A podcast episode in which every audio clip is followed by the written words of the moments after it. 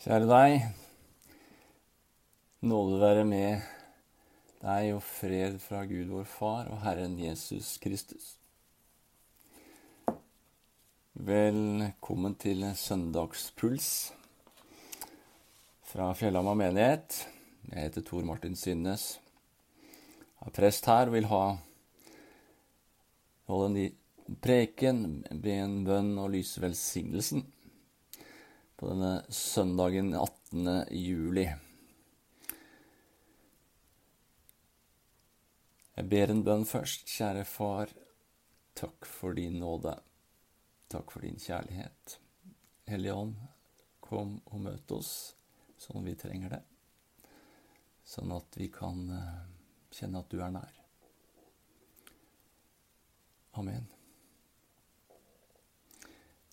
Prekenteksten i dag er fra 2. Korinterbrev, kapittel 8. I to kapitler, kapittel 8 og 9, så tar Paulus opp et tema om innsamling. En gave til menigheten i Jerusalem. Og dette er en gave som menighetene i Makedonia, nord i Hellas og Hellas, inkludert menigheten i Korint, og det som kalles Galatia, dagens Tyrkia, disse menighetene der de ville samle inn en gave til de fattige i menigheten i Jerusalem. Og Menigheten som Paulus hadde grunnlagt der ute i den, den greske verden, hadde en sånn opplevelse at de sto i, i takknemlighetsgjeld til modermenigheten i Jerusalem, som hadde gitt dem evangeliet og delt troa om Jesus med dem. Og skyldte dem og da om å hjelpe dem tilbake med materielle gaver. Det er også sannsynlig at en, en god del av menigheten i Jerusalem levde et sånn veldig radikalt økonomisk liv, og med en sånn sterk forventning om at Jesus snart kommer tilbake. På vegne av, av liksom alle de troende så tjente de Gud i tempelet og i bønn. Kanskje store deler av dagen. Og da levde de i stor grad på gave fra andre. Og Denne innsamlingen det skjønner vi ut fra andre steder, den, den pågikk over i hvert fall ett år i menigheten i Korint. Nå skulle den avsluttes. Og Paulus, som var i Makedonia, han sendte sin eh, beste medarbeider, nære medarbeider Titus og to andre til Korint for å forberede denne innsamlingen. Og med dem så sendte han også et brev, sannsynligvis, i hvert fall muligens, andre korinterbrev. Og nå leser jeg prekenteksten fra kapittel 8, vers 9-15. Dere bekjenner vår Herre Jesu Kristi nåde. Enda han var rik, ble han fattig for deres skyld, så dere skulle bli rike ved hans fattigdom. Jeg sier min mening om dette, og det kan være nyttig for dere. Dere begynte så godt i fjor og viste i handling at dere virkelig ville dette. Nå gjelder det å fullføre. Som dere ville gikk i gang, må dere nå villig fullføre, alt etter evne. For når den gode hvilen er til stede, skal den verdsettes etter det en har, og ikke etter det en ikke har. Det er jo ikke meningen at andre skal få hjelp, og dere har det trangt, men det skal være likhet. Denne gangen har dere overflod og kan hjelpe dem som lider nød. En annen gang har de overflod og kan hjelpe dere når dere lider nød. Da blir det likhet, slik det står skrevet. skrevet. Den som fikk mye, hadde ingen overflod, og den som fikk lite, led ingen mangel. Slik lyder eh, det Paulus skrev i eh, åttende kapittel i andre Korinterbrev. Bibelen, og ikke minst Jesus, snakker nokså mye om penger, egentlig. Og det å forvalte. Så det er et viktig tema. Hvordan vi forholder oss til pengene og det vi eier. Og disse to kapitlene, 8 og 9 i 2. Korinterbrev, er det stedet i Bibelen hvor vi får den mest sånn sammenhengende og konkrete og grundigste undervisning om det å gi og om givertjeneste. Da i forbindelse med denne gaven til de fattige i Jerusalem. Så les gjerne de to kapitlene i sin helhet sammenhengende for deg sjøl. Jeg vil starte med det kanskje mest kjente og brukte verset fra disse to kapitlene, som står i kapittel 9, litt etter vår tekst, vers 7. Der står det Enhver skal gi det han har bestemt seg for i sitt hjerte, ikke med ulyst eller tvang. For Gud elsker en glad giver. det å gi, ha en givertjeneste, det er rett og slett ment å være en gladsak. Er det det for oss? En gladsak å gi? Er vi glade givere? Er det å få muligheten og anledning til å gi en glede? Er kollekten i kirka en fest, kunne vi jo spørre. Eller er det en plikt, noe vi gjør motvillig og kanskje litt irritert? Er det noe som stadig bare pirker borti vår dårlige samvittighet, og som heller tar fra oss glede enn å gi glede? Jeg gjetter på at de fleste av oss kan kjenne litt på begge deler til ulike tider. Men altså, Gud elsker en glad giver, og ønsker seg glade givere som gir med lyst og frivillig. Vi kan jo si at det er bedre Vi sier jo det ofte at det er bedre å gi enn å få. Og mange av oss har vel erfart det på julaften. At vi kan være vel så spente og glede oss mer de gavene vi skal gi, enn de vi skal få. Jeg har også hørt sånn bare fra noen som hadde hørt det her, fra Afrika, afrikansk kultur noen steder, at når man samlet inn offeret, så gikk man fram med offeret til alteret. Og da danset man gjerne fram. Og så feiret og viftet glad med det man eh, hadde tenkt å gi i hånda. Det å gi var liksom en fest og en glede. Og da kan man jo måtte si er det ikke med glede og fest eller frivillighet vi gjør det, så kan vi egentlig si la det være. Så skal vi gi og bli givere, ha givertjeneste, så må vi først finne fram til gleden ved å gi. Det kan nok hende kan være vanskelig for oss av og til. Det kan stikke dypt i oss og utfordre oss på våre verdier. Vår karakter og vår overgivelse også. Men det, men det er der slaget står, hvis vi skal gi og være givere. Og finne frem til gleden ved å gi. Og Det første jeg tenker på som kan hjelpe oss til å finne frem til gleden og takknemligheten til å gi, er at alt vi har, det har vi fått. Vi ber jo ofte eh, en bønn for kollekten eh, med ordene Alt tilhører deg, av ditt eget gir vi deg tilbake. Hvis vi tenker på jorda og skaperverket, Sola som varmer så utrolig fantastisk deilig i disse sommerdagene. Stjerner. Og vi tenker på mennesker og hverandre. Og helser og evner. Dette er jo ting som er gitt oss. Vi eier det ikke. Det er en gave. Vi skal forvalte sammen. Og i troa på Gud så er det noe som tilhører Gud og som vi egentlig gir tilbake til ham. Og En annen ting som også er viktig for å kunne hjelpe oss å finne fram til gleden og takknemligheten med å gi, er jo å gå inn i og ta inn over seg hva eller hvem du gir til. Å være kjent med hva eller hvem vi gir til, kan gjøre det å gi en gave til en glede med dyp mening Paulus skriver om det på, i slutten av kapittel 9. Og det han skriver, er at denne gaven medfører flere ting. For det første, det opplagte, det er jo at den avhjelper nød. De som får gaven, de fattige som får gaven, de får nå mat og drikke. Og med det så får de nytt livsmot og håp. Så er, denne gaven skaper da også takknemlighet ikke bare til giverne, men som Paulus skriver, det skaper også en overflod av takk til Gud. Fordi Gud har berørt noen mennesker med evangeliet som helhjertet vil dele av sitt med dem. Så priser og takker de Gud. Og enda en ting Paulus nevner, det er at de som tar imot gaven, de takker og ber for de som har gitt gaven. De måte de gir igjen med forbønn. Og det å gi og være med på, eh, på givertjeneste, det har mange gode ringvirkninger. Og jeg vil ta med én til. Å gi, det er en hjelp til å slippe å være selvopptatt.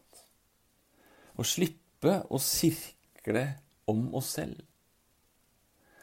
Og gir en gave til oss hvor vi hjelpes til å se utover vår egen navle og egne behov. Å gi det brer, brer seg som ringer i vannet. Det skaper ringvirkninger av gode ting, en gave. Både utover til andre, men også innover i oss sjøl. Så det første og viktigste vi kan si om å gi og givertjeneste, det er at vi skal gi med glede og være glade givere. Eller så bare dropp det. Eller bedre, finn fram til gleden med å gi. Men vi må også si at det er jo ikke på en måte bare opp til oss og hva vi føler, dette med å gi. Det er også en del av Guds vilje. En del av det å være en disippel av Jesus. Det er en del av det gode som Bibelen og Jesus formaner oss til og utfordrer oss til å leve ut og være givere. Og Paulus sa det sånn i verset rett før vår tekst. Jeg sier ikke dette, altså om å gi, som en befaling, men jeg nevner de andres iver for å prøve om kjærligheten er ekte hos dere. Dette kan absolutt høres dobbelt, og høres og oppleves som en, en, en indirekte tvang. Enten gir du, eller så er ikke kjærligheten din ekte. Og hvem vil vel ikke ha en ekte kjærlighet? Men det er vanskelig samtidig å ikke gi Paulus rett. Johannes skriver det samme enda tydeligere i sitt første brev i kapittel 3. Der står det Men den som har mer enn nok å leve av, og likevel lukker sitt hjerte når han ser sin bror lide nød, hvordan kan han ha Guds kjærlighet i seg? Igjen kan vi si har vi noe valg ut fra hvordan Johannes legger det fram? Men da vrir vi oss egentlig unna Johannes sitt spørsmål. Og er vi ærlige, så finnes det kun ett svar på det spørsmålet. Gud er kjærlighet, sier vi. Ja. Og kjærlighet er handling. Det er jo ikke bare tomme ord. Så ja, kjærligheten tvinger oss til å bli givere og delere. Å ikke gi og ville gi, det er å holde kjærligheten på avstand. Men dette handler også om rettferdighet. Om vi ikke finner noen glede i å gi og holder våre mange ressurser, få eller mange ressurser for oss selv, så krever både kjærligheten og rettferdigheten det av oss. Gud elsker de som lider nød og sulter, selvfølgelig, like mye som oss. Han vil at alle skal ha det godt, at vi skal dele på godene og forvalte jordas rikdommer, rikdommer med rett og rettferd. Det er ikke synd å være rik, på ingen måte. Det ses heller som en velsignelse i Bibelen. Men det innebærer et stort ansvar i kjærlighetens og rettferdighetens navn. Og Det er i praksis det samme Paulus sa når han flere steder i vår, fram, steder i vår tekst trakk fram at vi skal gi etter evne, og at det skal være likhet. Det handler om rettferdighet. Å gi etter evne, det vil si å gi etter hva vi har ressurser til. Den rike kan gi mye, den med trang økonomi kan gi tilsvarende mindre. I Bibelen så snakkes det en del om å gi tienden, altså 10% av sine midler, det en eier. Det vil jo da bli veldig ulike beløp ettersom hvor store økonomiske ressurser man har. Men det er viktig at det å gi er for alle. Også for den fattige enken som vi kan lese om også i evangelieteksten. Hun ga noen få ører alt hun hadde. Men hun ga. For det handler om verdighet. Det handler om også å få være med i dugnaden og fellesskapet med å være giver og gi og bidra. Selv om f.eks. denne fattige enken ga noen ørsmå ører. Og det handler også om at det å gi er en glede. Det er en velsignelse, et gode, å få lov å gi, som vi alle har godt av å få del i. En student som ikke har mye å rotte med, kan med 100 kroner i måneden. Både få del i gleden av å gi, og lære seg til å være en giver, også med, penger når det ikke er så særlig mange av dem. Har man lært det når det er litt trangt, så skapes det en vane, en holdning og en kultur som jo vil gi helt andre summer når man eventuelt kommer til jobb og, og tjener penger. Å gi etter evne det handler dypest sett om likhet, som Paulus sa så tydelig som målet for det hele. Det er jo ikke meningen at andre skal få hjelp, skriver han, og dere har det trangt, men det skal være likhet. Denne gangen har dere overflod og kan hjelpe dem som lider nød. En annen gang har de overflod og kan hjelpe dere når dere lider nød. Da blir det likhet. Så likhet er et kristent ideal og en kristen verdi. Og likhet og rettferdighet betyr at vi også må etterstrebe å fordele jordas ressurser likt og rettferdig. Og en av de mest eh, oppmuntrende nyhetene forrige uke syns jeg var om Messi som halverer lønnen i Barcelona og fortsetter der. Altså Selv med, med halv lønn så tjener jo Messi uanstendelig og forkastelig mye for å løpe, og sparke, løpe etter og sparke en ball. Det er jo helt galskap. Egentlig et hån mot resten av verden. Men det er allikevel eh, midt i galskapen gledelig når fotballens største stjerne får bli trofast i klubben sin og gå med på halv lønn i en ny femårskontrakt.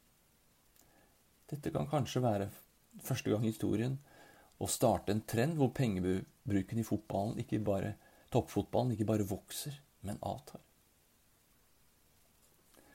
Og kan vi ta det videre som inspirasjon det rike Vesten? Kan Norge som nasjon ta en Messi?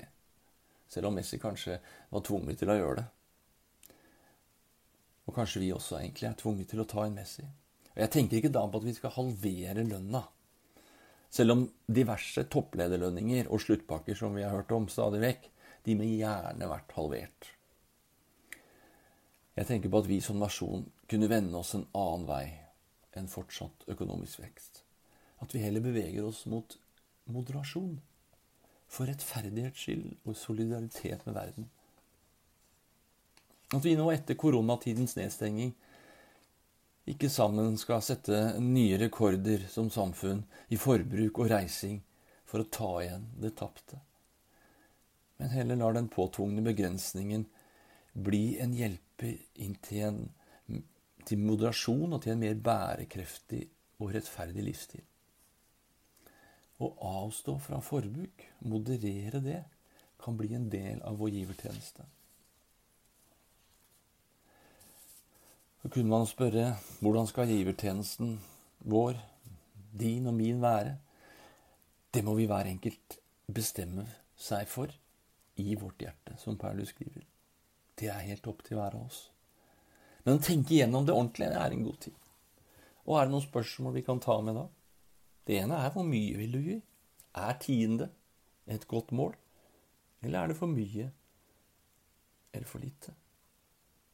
Hvor mye vil du gi fast hver måned? Bare trekkes fast til det samme? Og hvor mye vil du gi spontant i kirka, på gata her og der?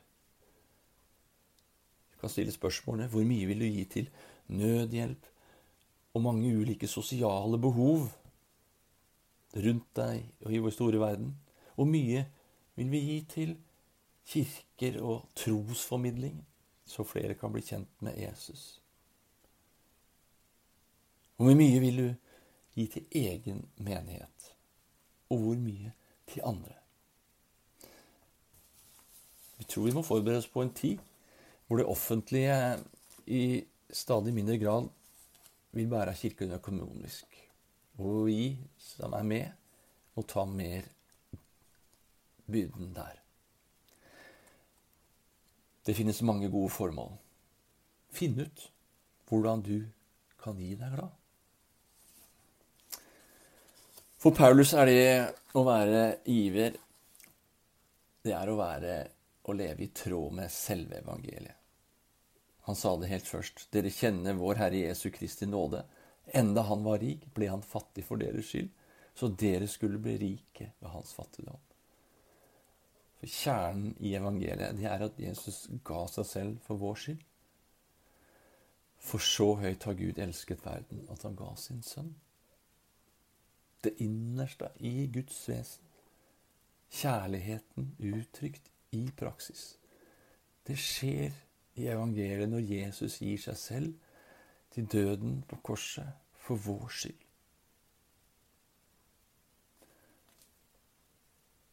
I kapittel 80 i Korinterne så snakker Paulus om at makedonerne de, de, ga gave, men de ga også seg selv. I fortellingen om den fattige enken så står det at de to ørene, det var alt hun eide. At hun med de, den gaven ga hun seg selv, at hun ga sitt liv. Og Sånn sett er det å gi penger til noen i nød kanskje den enkle delen av å følge etter Jesus. Den vanskeligste delen, det er jo å gi sitt liv. Den største gaven er å gi vårt hjerte. Siste verset i julesalmen midt i håreste vinter vil jeg avslutte med. Det lyder sånn. Hva kan jeg vel bringe med meg inn til ham? Hvis jeg var en hyrde, ga jeg ham et lam. Hvis jeg var en konge, ga jeg gull. Men nå hva har jeg? Mitt hjerte skal han få.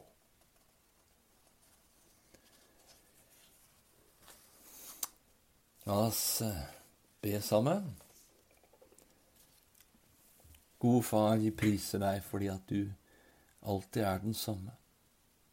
At vi nå igjen kan møtes i kirka og her digitalt for å tilbe deg takke deg, få ta imot og preges av deg og din kjærlighet, sannhet og nåde. Gjør oss til glade givere.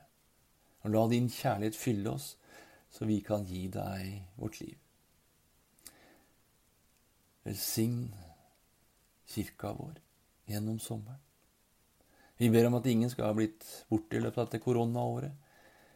Men la oss alle få vende tilbake til fellesskapene våre og fellesskapene i menigheten. Så det kan være et kraftsenter for tro og håp og kjærlighet. Vi takker deg for eh, våre ledere, både her i kommunen og i landet vårt. Gi dem fortsatt den styrke og visdom de trenger til å lede oss helt gjennom pandemien. Og så ber vi deg for alle som er tynget av pandemien, sykdom, og nedstenging og økonomiske konsekvenser av ensomhet og sorg. Kom til alle med et glimt av din storhet og godhet, så vi kan finne trøst og håp hos deg. Og Vi ber også om en fornyet solidaritet med alle våre søsken i alle verdens land. At vi kan få en ny vilje til å stå sammen og ta vare på hverandre for ingen er trygge før alle er trygge. I dag ber vi også særskilt for alle som er rammet av flomkatastrofen sør i Tyskland. Du ser fortvilelsen, sjokket, sorgen hvor alle de som har mistet sine kjære, og hvor hjem og eiendeler er radert vekk, og fremtida synes vond og usikker. Styrk alle hjelpemannskaper og alle rundt. Hjelp dem å ta vare på hverandre. Og far, kom med din trøst og styrke. Vår Far i himmelen, la navnet ditt helliges. La riket ditt komme. La viljen din skje på jorden slik som himmelen. Gi oss i dag vårt daglige brød, og tilgi oss vår skyld, slik også vi tilgir våre skyldnere. Og la oss ikke komme i fristelse, men frels oss fra det onde. For riket er ditt, og makten og æren i evighet. Amen. Ta imot velsignelsen. Herren velsigne deg og bevare deg. Herren la sitt ansikt lyse over deg og være deg nådig. Herre, løfte sitt åsyn på deg og gi deg fred. Amen.